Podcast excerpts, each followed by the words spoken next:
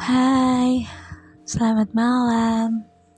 Kembali lagi di PSK Podcast Percakapan Suka-Suka. Hari ini gue datang dengan cerita dari salah satu pendengar PSK Podcast yang lagi berbunga-bunga di hatinya. Lagi jatuh cinta ceritanya.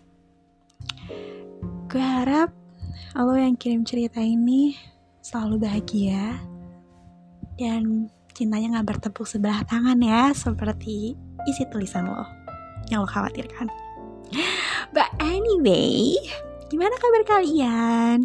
Baik-baik selalu ya. Terkadang gak semuanya harus mulus kok. Ya kerikilnya banyak tapi semuanya akan berakhir. Percaya ya. So let's jump to the story Hi. Before I forget this moment, I want to say ada sesuatu yang harus ditahan. Ada sesuatu yang penuh dengan batasan. Di balik kain yang menutupi setengah wajahku, aku menahan pilu dan juga candu. Pilu jika ini akan segera berakhir. Candu karena masih bertemu dengannya. Dasar kau tolol. Siapa dia? Dan siapa kau? Berkacalah.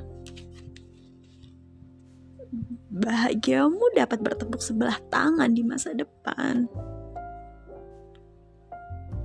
Ya, tidak selamanya begitu.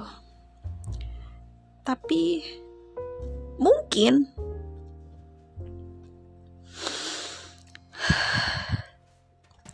Menaruh harap tentu boleh.